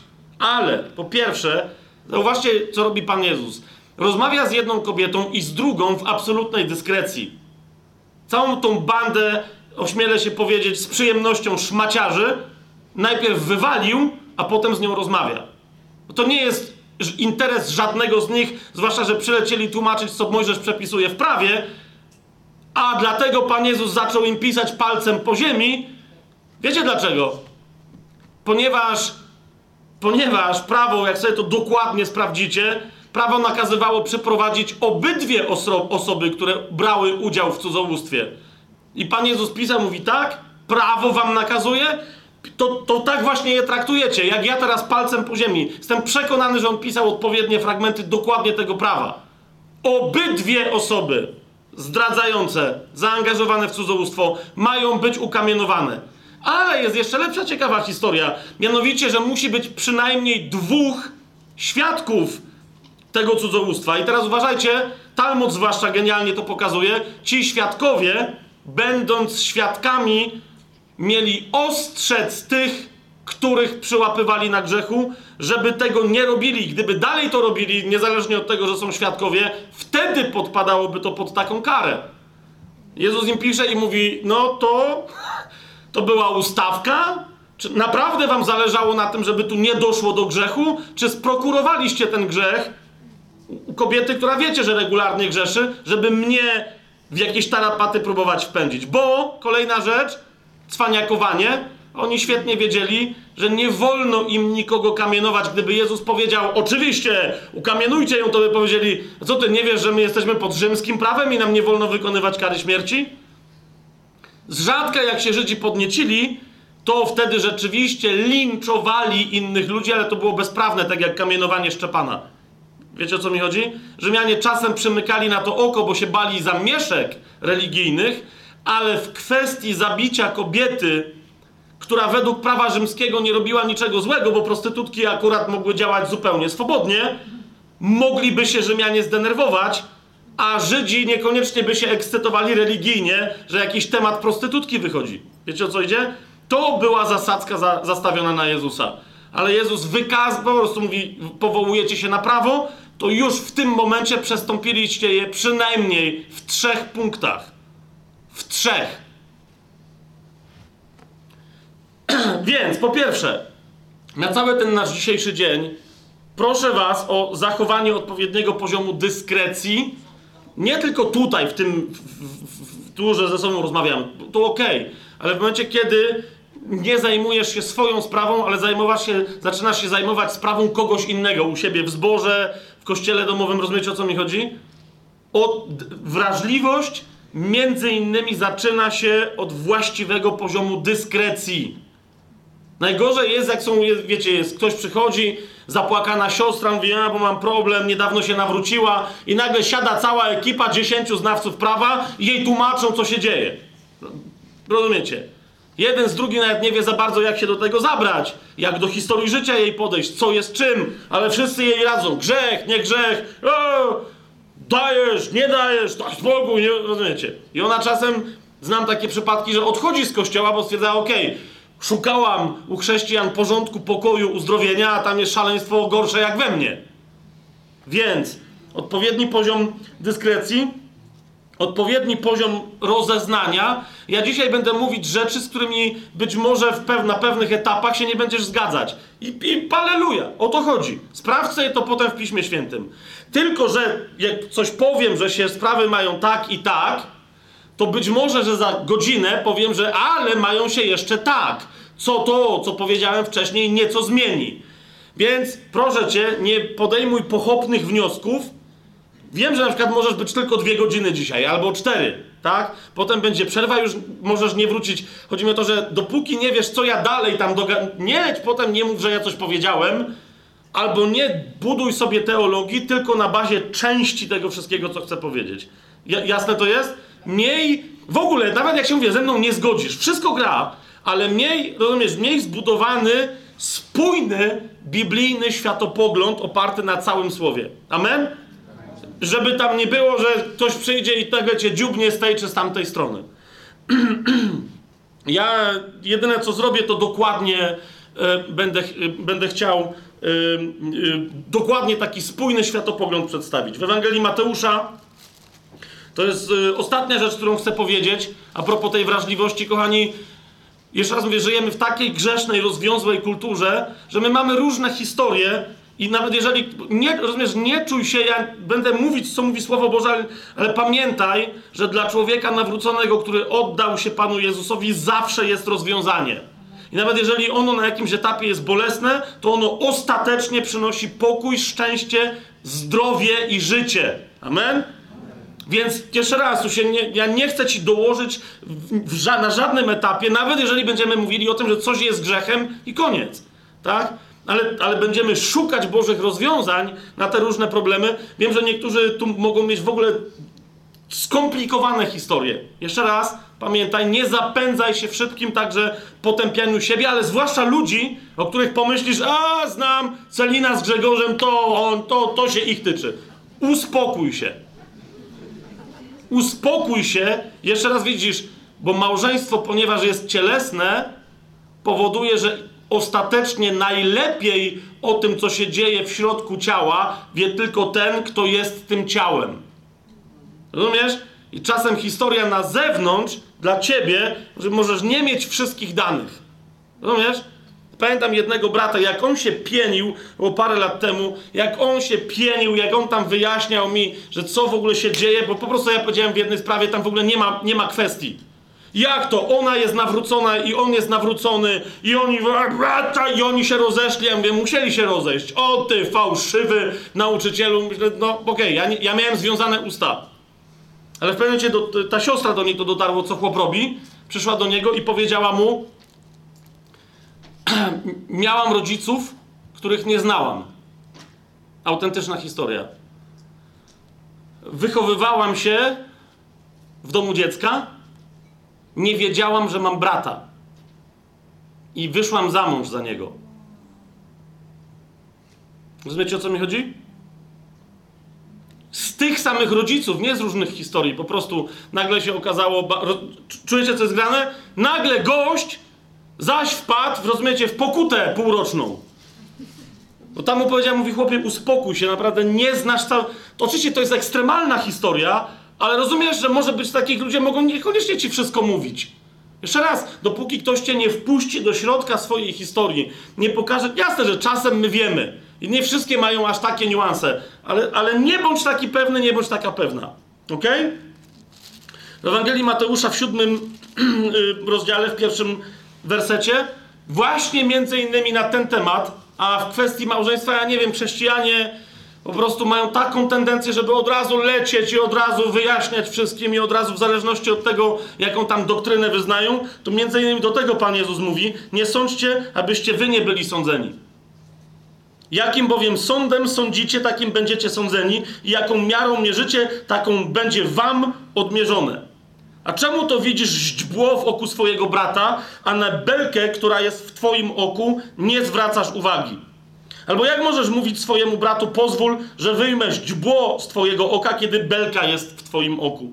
Obłudniku, wyjmij najpierw belkę ze swojego oka, a wtedy przejrzysz, żeby wyjąć źdźbło z oka swojego brata. I w Ewangelii Łukasza jeszcze Pan Jezus dodaje ten, ten fragment, który mi się bardzo podoba, nieco inny kontekst, to jest 39 werset i dalej. I opowiedział im przypowieść bardzo długą przypowieść Pan Jezus im opowiedział. Czy może ślepy prowadzić ślepego? Czy obaj nie wpadną do dołu? Taka przypowieść. Tyle. Uczeń, powiada Pan Jezus, nie przewyższa swojego mistrza, ale doskonały będzie każdy, kto będzie jak jego mistrz. Czemu widzisz źdźbło w oku swojego brata, a na belkę, która jest w twoim oku, nie zwracasz uwagi? I tak dalej. Teraz nie chodzi mi o to, żebyśmy my jakiś taki, wiecie, taki laksyzm, takie podejście, że każdy przypadek trzeba bardzo indywidualnie traktować, bo każdy ma swoje tam niezwykłe historie. Ja nie o tym mówię. Ja sobie zdaję sprawę, że teraz mówię do tutaj, do dosyć sporego tłumu ludzi, to się nagrywa i potem jasne, że będą ludzie, którzy się będą kłócić z tym, co powiem. Mam nadzieję, bo potrzebujemy tego rodzaju rozmowy, ale co jest istotniejsze dla mnie, ja sobie zdaję świetnie sprawę z ostrzeżenia Jakuba, który mówi: Nie chciejcie być nauczycielami, będziecie dwakroć surowiej sądzeni. I ja sobie też zdaję sprawę, że cokolwiek teraz powiem trafi niekoniecznie do ludzi, którzy będą coś ostro rozsądzać, bo nie mają czasu, po prostu mi ufają i cokolwiek ja powiem, potem zaczną to stosować w swoim życiu również mechanicznie. Ja sobie z tego zdaję sprawę. Rozumiecie, pewne kwestie. Mam tylko nadzieję, że dzisiaj z pewnymi fundamentami dojedziemy do końca Natomiast e, właśnie bardzo, bardzo, bardzo, dlatego lecę, no nie? A widzicie, że nawet wstępy, żeby sobie zacząć porządkować przedpole, i ile nam zajęły? Godzinę. Teraz sęk w tym, że, że potrzebuję do pewnych kwestii podejść na, podejść na różne sposoby i was proszę też o cierpliwość. Bo ty możesz wiedzieć, że jest tylko mieć jakąś jedną koncepcję w głowie, że jest tak albo tak. mówię ci, historia dwóch tysięcy lat pod czasu, jak Pan Jezus chodził na ziemi.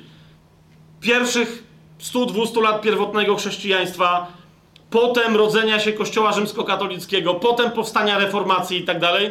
Ludzie za każdym razem w kwestii małżeństwa coś w każdym wieku, w każdym po pokoleniu wymyślali. Po drodze niektórzy z was się zdziwią, co się w ogóle dzieje. Naprawdę ktoś może tak myśleć? A z drugiej strony świata, rozumiesz, okazuje się, że jest wyznawców Jezusa kilkaset tysięcy, którzy wierzą tak, że tobie by to w ogóle do głowy nie przyszło. I co więcej, tak praktykują. Wiesz, my uważamy pewne rzeczy za oczywiste, że to jak, że to jest oczywiste dla wszystkich. Na przykład, że mąż ma jedną żonę, a jedna żona ma jednego męża. Nie? I niektórzy mówią, jak to. A badając na przykład takiego nauczyciela jak Watchman Nee, w pewnym momencie zauważyłem, e, zwłaszcza w tych swoich pismach sprzed II wojny światowej, no bo sytuacja chińska była jaka była, on twierdził, że i tam dowodził, ja się jeszcze raz nie będę teraz tłumaczył, dlaczego się z tym nie zgadzam, ale to jest, na szczęście to nie jest nasz temat. Ale on uważał za normalną sytuację ludzi, którzy się nawracali i żyli w poligami.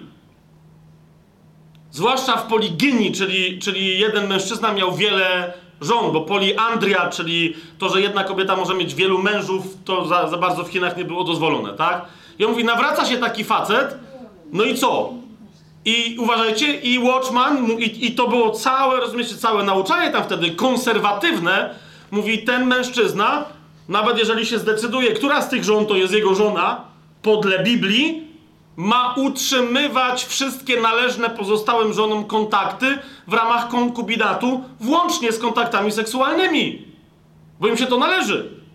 Nie może ich odesłać, dlatego że one wtedy poginą.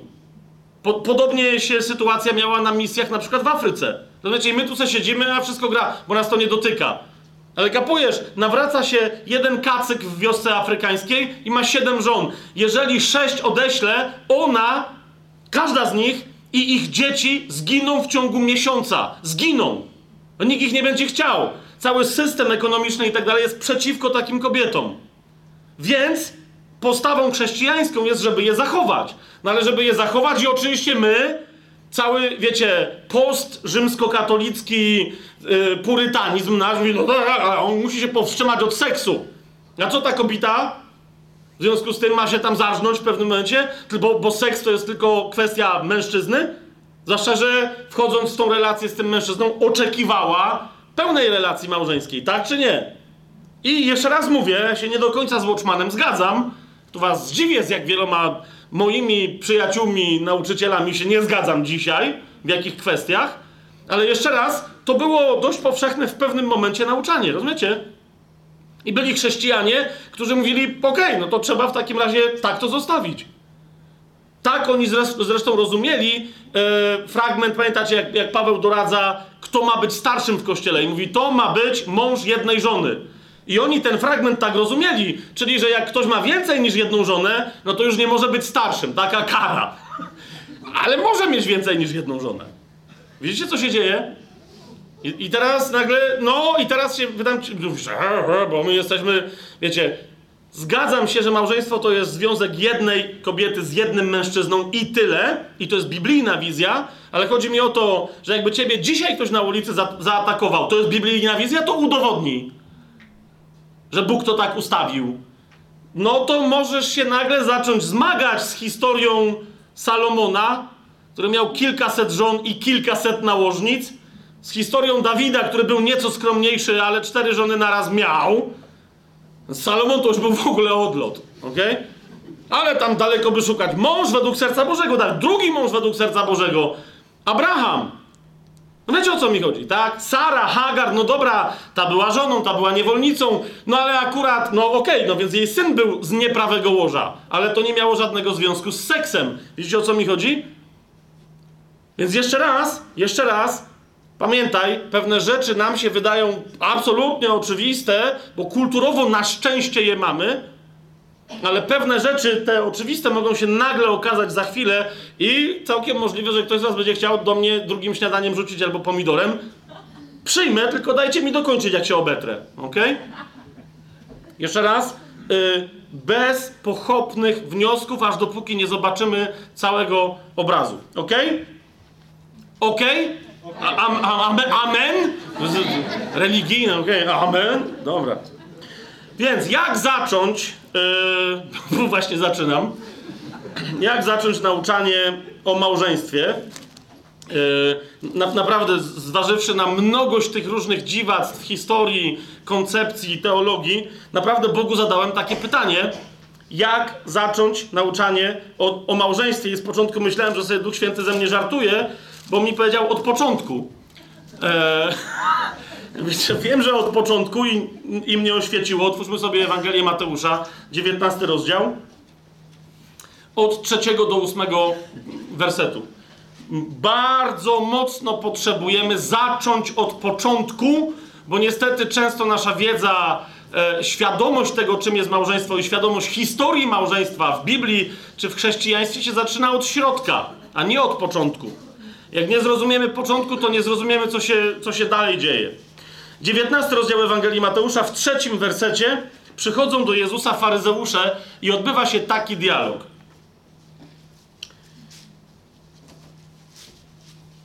Czy wolno człowiekowi oddalić swoją żonę z jakiegokolwiek powodu?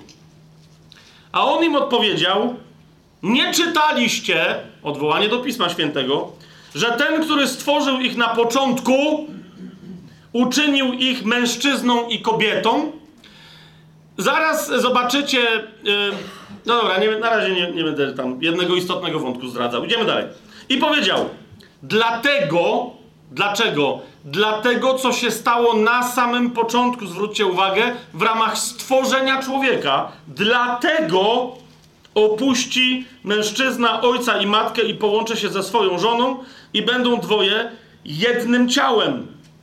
A tak już nie są dwoje, ale jedno ciało. Co więc Bóg złączył, człowiek niech nie rozłącza. Zapytali go faryzeusze, na to dosyć zszokowani takim obrotem spraw, chociaż mogli się go spodziewać. Dlaczego więc Mojżesz nakazał dać list rozwodowy i oddalić ją? Odpowiedział im: Z powodu zatwardziałości waszego serca Mojżesz pozwolił wam oddalić wasze żony.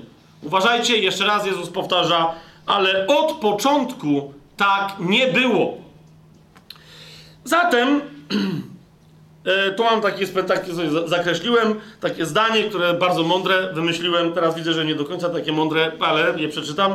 Jezus, żeby być, żeby być treściwym, Jezus odrzuca judaistyczny standard małżeństwa. To musi być dla nas niezwykle istotne. Jezus się nie porusza i potem będziemy jeszcze więcej gadać, bo jest mnóstwo dyskusji na temat małżeństwa w oparciu o prawo mojżeszowe. Jezus w ogóle ten standard odrzuca. Okay? Mówi, ja wiem, ale ja nie po to przyszedłem, żeby dyskutować z Mojżeszem. Jan y, mówi wyraźnie, że przez Mojżesza przyszło prawo, a przez Jezusa przyszła prawda i łaska. Ok? Więc Jezus odrzuca judaistyczny standard małżeństwa i uważajcie, bo to jest bardzo istotne, przywraca oryginalny, objawiony podczas stworzenia człowieka standard. Ok? On go przywraca i do, dodaje jeszcze jedną rzecz. Teraz, dla, że, yy, jak dla niektórych się jeszcze jazda bez trzymanki nie zaczęła, to się teraz zacznie. Otóż, kochani, kolejna bardzo dla nas istotna rzecz. Bóg nie stworzył mężczyzny i kobiety.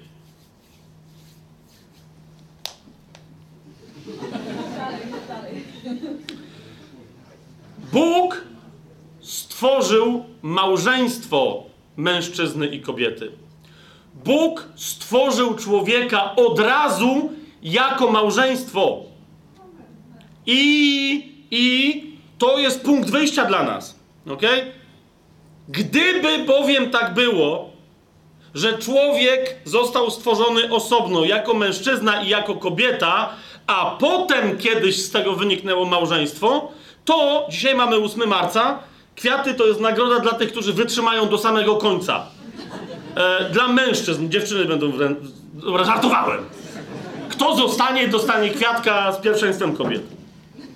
Więc e, Znaczy, my żyjemy w kulturze, w ramach której je, właśnie pada pytanie. Yy, yy, pokazałem Madzi jedną krakowską gazetę yy, z dodatkiem na okazję 8 marca. Oczywiście, oczywistą oczywistość rzekomo miała ta gazeta na okładce, mianowicie kto mi będzie mówić, co ja mam robić w życiu. I teraz kobiety wszystkie zamarły, a nie. Widzisz, jak to, jak to kto ci będzie, Bóg ci będzie mówić, jeżeli jesteś wierząca. I pod pewnymi względami nie, nie masz decyzji absolutnie co do siebie, tylko twój mąż ma. Ale teraz uważaj, bo dokładnie taka sama sytuacja jest, kiedy. Fa- bo kobiety mówią, ale faceci dokładnie są tacy, że kto mi będzie mówić, że. To nie, to nie jest prawda. To jest absolutnie nieprawda. Paweł między na przykład mówi, że tak, ciało kobiety należy do mężczyzny w małżeństwie, ciało żony należy do męża, ale uważaj, ciało męża należy do żony. To, to dla wszystkich, którzy próbują wymuszać seksualne aspekty, rozumiesz, ty mówisz, żono, oddaj mi się. I ona mówi, super, ale ty się nie zbliżaj. Rozumiesz, bo twojemu ciału rozkazuje, niech mi się odda. A ona twojemu ciału mówi, ale to tylko z daleka się, tak wiesz. Rozumiesz, o co chodzi? Rozumiesz, o co chodzi? To od niej zależy, co żresz. Tak, kobieta jest chwałą mężczyzny. Co to oznacza? To oznacza, że kiedy ktoś patrzy na moją żonę, to wie, jaki jest mój stan, a nie jej. Teraz jej dowalę, ale jak ktoś popatrzy na mnie, to widzi, jaki jest jej stan. Eee? Eee? I teraz pomyślicie, to co to znaczy, że jesteś gruby? No? No? Dobrze czy źle? A więc, a więc, gdyby tak było, że ludzie zostali stworzeni jako osobne istoty, a potem się zeszli, no okej, okay, czyli to jest. Ale nie, człowiek jest stworzony od samego początku, i zaraz to sobie się temu bliżej przyjrzymy. Człowiek jest stworzony od samego początku jako małżeństwo. Otwórzmy sobie oczywiście pierwszy opis stworzenia, czyli Księgę Rodzaju. To jest pierwszy rozdział, yy, e, 27 werset. To jest pierwszy opis stworzenia. Niektórzy się do niego odwołują jako fundamentalnego.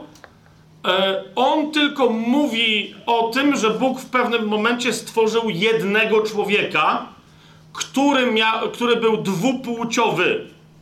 Ok? Czyli, czyli e, dosłownie tekst biblijny, i kto zna hebrajski, zapewne jest tu trochę osób, które znają znacznie lepiej niż ja, pod każdym względem, to, to mogą to potwierdzić. W Księdze Rodzaju, pierwszy rozdział, 27 werset, więc brzmi: Stworzył więc Bóg człowieka na swój obraz, na obraz Boga go stworzył, stworzył ich, i normalnie mamy tłumaczenie mężczyzną i kobietą. Ale e, według mnie powinno być przetłumaczone to albo stworzył więc Bóg człowieka, stworzył ich albo jego tę istotę ludzką jako męską i żeńską, nie jako mężczyzna i kobieta, jako męską i żeńską, a jeszcze lepiej jest parę takich y, tłumaczeń, y, na przykład Żydów mesjanistycznych, którzy dosłownie tak ten fragment y, u nich brzmi: Stworzył więc Bóg człowieka na swój obraz, na obraz Boga go stworzył, stworzył ich nim i nią. To jest to. To jest jeden człowiek, który ma dwa typy. Jest on i ona. Ok? Dokładnie jak później, wiecie, ziemia się psuje i wprowadzają różne zwierzęta w parach na pokład arki Noe ze swoją rodziną, dokładnie takie odniesienia, czyli że ma wejść na statek para jakichś tam zwierząt. Ona i on. Jakichś innych zwierząt. Ona i on, czyli samiec i samica, ale w języku hebrajskim nie ma takiego słowa jak samiec, e, męskoosobowy, żeńskoosobowy. Po prostu jest jedno określenie, to jest, można przetłumaczyć jako ona i on. Jasne to jest? Okay, teraz uważajcie, bo tu, bo tu... I teraz na potwierdzenie tego, e, e, bo niektórzy mówią zaraz, jak to? Najpierw Bóg stworzył Adama, potem Ewę. Bóg nie tworzył żadnej Ewy. Ewę Ewą Adam nazwał nią, a Adamem, czyli ziemianinem, czyli człowiekiem, jest dopiero mężczyzna z kobietą razem. Nigdy osobno. Nie ma, że najpierw był ktoś, a potem ktoś i tak dalej. Zobaczcie, piąty rozdział Księgi Rodzaju. Znowu jest powiedziane, jest powtórzona tamta kwestia z 27 wersetu z pierwszego rozdziału. W piątym rozdziale, w drugim wersecie, jeszcze raz jest podsumowanie, bo tutaj jest księga rodu Adama, czyli rodu ziemianina, bo Adam znaczy po prostu ziemianin, ktoś wzięty z ziemi i komu jest dana ziemia. I jest tam napisane: Stworzył ich nim i nią, błogosławił ich i uważajcie, i nadał im imię Adam w dniu, w którym zostali stworzeni. Rozumiecie? Całe to imię Adam oryginalnie należy się niej, jej i niemu. Jasne? Widać to tutaj? Nie musimy dalej. Niektórzy widzę, że są przerażeni. Co się stało? No, okej. Okay. Teraz wracamy. Mianowicie, bo to jest tylko opis po kolei, co się działo. Kiedy Bóg co tworzył, i ten pierwszy opis tylko mówi, że ostatniego dnia Bóg stworzył człowieka jako nią i niego. I tyle. Natomiast szczegółowy opis stworzenia tegoż człowieka, co się tam działo, znajdujemy dopiero w drugim rozdziale Księgi Rodzaju, bo tam to jest bardziej szczegółowo opisane.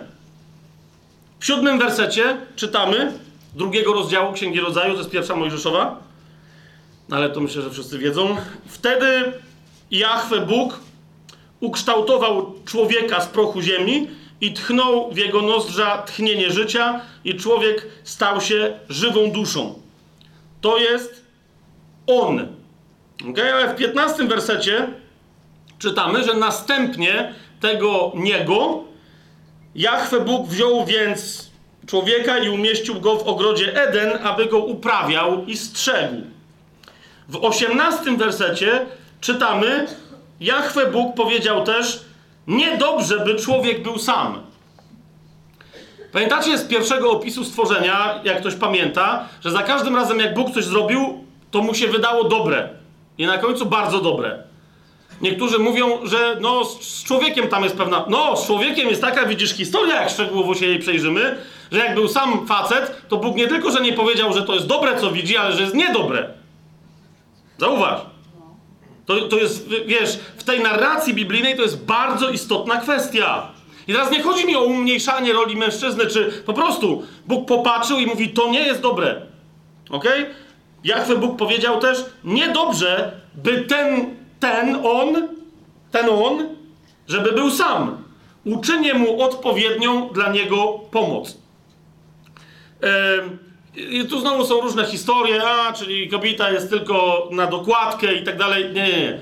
W języku hebrajskim, bo się pytałem w, ludzi, którzy naprawdę wiedzą, co tu jest napisane, znają hebrajski i tak dalej, oni mi mówią, ta pomoc to jest ktoś, kto jest w stanie stanąć naprzeciwko Adama i spojrzeć mu twarzą w twarz. To jest ktoś, kto może mu pomóc, bo mu jest równorzędny. Jest to jasne? I to, to, to, to jest przetłumaczone jako odpowiednią dla niego, ale w języku hebrajskim chodzi o równorzędną dla niego. To, a y, jeden y, człowiek mi wręcz mówi, to znaczy, że jeżeli on zechce wziąć pomoc, to ją dostanie, ale jeżeli nie, to dostanie. To znaczy, że to jest ktoś, kto może mu się przeciwstawić, dlatego może być odpowiednią dla niego pomocą. Jasne to jest? I tyle, nie tam te wszystkie historie, jakie jest znaczenie tamtej pomocy. Tam nie ma żadnych takich historii, jakichś takich bajend, jakiegoś rozbudowanego, wiecie, znaczenia tego wyrazu. Istotny jest ten, co to znaczy, że odpowiednią dla niego. I teraz, zauważcie, co się dzieje. 21 werset i dalej. Czytamy. Wtedy Jahwe Bóg zesłał głęboki sen na Adama, a gdy zasnął, wyjął jedno z jego żeber i zapełnił ciałem miejsce po nim. I z tego żebra, które Jachwę Bóg wyjął z Adama, utworzył kobietę i przyprowadził ją do Adama. I Adam powiedział, i już niektórym z was powinno coś zacząć świecić tutaj, bo później z lekką trawestacją, ale de facto ten fragment jest gdzie indziej, w kluczowym miejscu w Nowym Testamencie, de facto zacytowany, Wtedy Adam popatrzył na Ewę i powiedział: To teraz jest kość z moich kości i ciało z mojego ciała. Dlatego będzie nazwana, no i tu mamy ten dramat języka polskiego, dlatego będzie nazwana kobietą, bo z mężczyzny została wzięta. Co? Co się tu stało?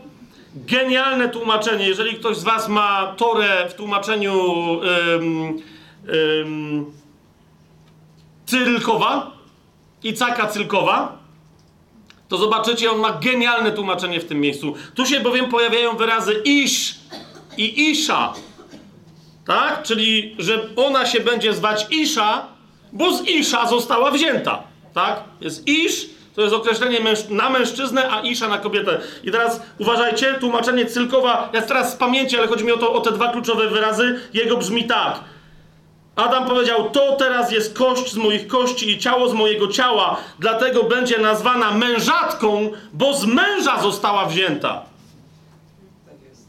Mężat. Ty masz Cylkowa?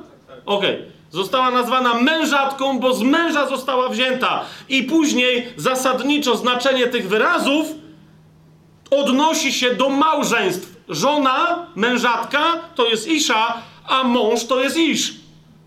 Widzicie, to jest nie tylko figura, ale to jest autentyczny akt zaślubin męża z żoną i żony z z mężem. To jest właściwy akt stworzenia człowieka. Tu powstaje dopiero Adam, o którym w piątym, y, y, w piątym y, rozdziale, w drugim wersecie jest powiedziane, że Adam to jest mężczyzna i kobieta, ale w ten sposób połączeni jako małżeństwo. Ok? To jest kość z moich kości, to jest ciało, to jest ciało z mojego ciała. Ja tu mogę to dalej rozwijać i jeszcze demonstrować, że to jest małżeństwo od samego początku, ale kochani, e, trzeba być tylko ciołkiem, żeby nie zauważyć 24 wersetu. Tak, ponieważ zaraz, kiedy e, Adam wypowiada te słowa, dlatego ona będzie nazwana mężatką, bo z męża została wzięta. 24 werset mówi: Dlatego, ze względu na to wydarzenie, opuści mężczyzna swojego ojca i swoją matkę i połączy się ze swoją żoną i będą jednym ciałem. Widzicie to? Małżeństwo nie jest, jak niektórzy wymyślają, wymysłem po upadku. Małżeństwo nie jest koncepcją poedenową. Małżeństwo od początku było zamyślone przez Boga. Niektórzy mówią, ale zaraz, ale seks to oni dopiero mieli później. Bo dopiero po, po wygnaniu Adam poznał Ewę i ona poczęła syna, to był Kain, tak? Serio? I to naprawdę y, mamy sobie przypomnieć w pierwszym rozdziale, 28 werset, jak Bóg błogosławił ludzi w ogrodzie Eden i błogosławił im Bóg, bądźcie płodni i rozmnażajcie się, napełniajcie ziemię i czyńcie ją sobie poddaną. Komentarz z jakiegoś tam e, z Miszny albo z Talmudu, jeżeli ktoś z was ma e, jak, jest, jak się nazywa ta laudes la, laude pardes jest, jest to takie dziwne takie tłumaczenie pardes, o właśnie mniejsza to, w każdym razie do tego, do tego wersetu jest genialne wyjaśnienie żydowskie, co to miało oznaczać. Mianowicie Bóg ich błogosławił i powiedział do nich: bądźcie płodni. I komentarz jest: to jest dla nich. A tak patrzycie na mnie, ok, to czytam dalej. Rozmnażajcie się, to oznacza dzieci. A więc cieszcie się sobą seksualnie. Dwa, niech z tego będą dzieci. Ale to jest dla nich. Ok? Trzy, napełniajcie ziemię. Zróbcie wszystko, żeby wasze dzieci miały dzieci i tak dalej. Ok? Czyli niech rośnie rodzina i niech rosną narody, niech rosną plemiona. I potem czwarte, czyńcie sobie ziemię poddaną. Oczywiście to musi być taki komentarz. Tu chodzi o nabywanie własności prywatnej. Taki tam jest, taki tam jest, taki tam jest komentarz. Nagle ni stąd, ni zowąd. Ok? Ale naprawdę od samego początku to było jasne, że Bóg dał ludziom seks w małżeństwie jak widzicie, i niekoniecznie od razu chciał, żeby zawsze z tego seksu były dzieci. Bo mówi, bądźcie płodni Dosłownie bądźcie płciowi, bądźcie seksualni, też niektórzy chcą to tak tłumaczyć. I po drugie, rozmnażajcie się. A więc niech to nie będzie puste, niech to nie będzie pusta yy, płciowość. Mamy to? Małżeństwo zaczyna się w raju, jest oryginalnym pomysłem dla człowieka, pomysłem Bożym. Mężczyzna ma szukać żony, ma chcieć stać się mężem. W, dawniej w języku staropolskim, w ogóle w słowiańskich językach, e, były inne określenia na, na, na chłopa, na faceta, dopóki się nie ożenił. Mężem, czyli mężczyzną, można go było nazwać dopiero kiedy miał żonę. Jasne to jest? Idealnie oddaje ten, ten, ten, ten Boży klimat. Mamy tutaj y, jasność w w tej kwestii? Halo? Mamy? Dobra. Pokazuje mi Weronika, że minęło y, półtorej godziny, więc tylko y, przed przerwą zapowiem. Musimy się bliżej przyjrzeć, bo opis wydaje się być taki lakoniczny i krótki, ale z niego wy, wyrasta bardzo konkretna koncepcja. Mianowicie, zauważcie, yy, Słowo Boże mówi: opuści człowiek ojca i matkę, połączy się ze swoją żoną i będą jednym ciałem, a Pan Jezus potem dodaje: co więc Bóg złączył, tego człowiek niech nie rozdziela. Zwróćcie uwagę, e, no najpierw to wygląda w całej tej sytuacji, jakby Bóg coś rozłączył. Tak, bo wyjął Adamowi żebro. Swoją drogą są całe, skoro mamy Dzień Kobiet, to taki ekstra feministyczny prezencik dla was mam. No, jest, są całe takie szkoły teologiczne, które pokazują, że kobieta jednak jest trochę lepsza niż mężczyzna. No nie? Bo i tam są dowodzenia i między innymi dowodzenie jest z kolejności stwarzania. Że Bóg najpierw tworzy ogólne rzeczy, potem coraz bardziej konkretne i genialne i na końcu tworzy kobietę i wtedy już mówi, to już nic lepszego się nie da zrobić. I odpoczywa. To jest po kobiecie i mówi, okej, okay, dobra. To, to dla tych tylko dodaję, że no nie, bo jak zrobił kobietę, to jeszcze robi małżeństwo. Przeprowadza ją do... Tak? On jest swatem. Bo widzicie, Adam mógł powiedzieć nie. Wiecie, Bóg nie zmusza go, on przyprowadza i mówi, bo on tam wcześniej patrzył na zwierzęta i mówił, nie, nie, to nędza jest. Zobaczył na kobietę i mówi, o, to, to wybier, to tak, to, to ja bardzo chętnie. Ale on w wolności dokonuje tego wyboru. Jest też taka teza e, z jakości materiału, dlaczego kobieta jest... E, bo, bo mężczyzna jest po prostu z błota e, zrobiony, e, a kobieta już z poważnej, e, z kości, tak? Więc z jakości materiału jest argument na przykład z miejsca pochodzenia, to mi się też bardzo podoba. Mężczyzna, jak zauważycie, jest zrobiony nie wiadomo gdzie. W sensie na jakimś pustkowiu i potem Bóg go dopiero wprowadza w cywilizowane miejsce, bo to jest ogród, a nie puszcza. To jest ogród, żeby go uprawiał i tak dalej, i tak dalej. A kobieta jest już stworzona w cywilizacji. Jest, ona pochodzi z ogrodu, mężczyzna pochodzi spoza ogrodu. Widzicie to? To jest jasna sprawa. Dlatego, jak mówi stare indiańskie przysłowie, mężczyzna, kiedy wychodzi z domu, dopiero wraca do domu. No, pomyślcie, pomyślcie, dziewczyny, zwłaszcza te, które chcą mieć męża domatora. To jest jakiś, jakaś forma zboczenia. Jego, a twojego, że chcesz mieć takiego chłopa, który nigdy nie ma potrzeby, żeby coś załatwić poza domem i bez ciebie. Ok? Teraz on powinien wyruszać na samotne wyprawy, z których z czymś powraca, ponieważ Adam był stwarzany nie z kumplami. To znowu panom dodam, że teraz, rozumiesz, wyjście na piwo nie, nie jest wyjściem z domu, jest, jest pozbyciem się żony. To jest przejściem do innego domu. Mężczyzna wychodzi z domu, kiedy wyrusza w góry, kiedy podejmuje jakąś akcję, w ramach której ma jakieś, coś musi zaryzykować, musi się ubrudzić i z chęcią nie myć i tak dalej.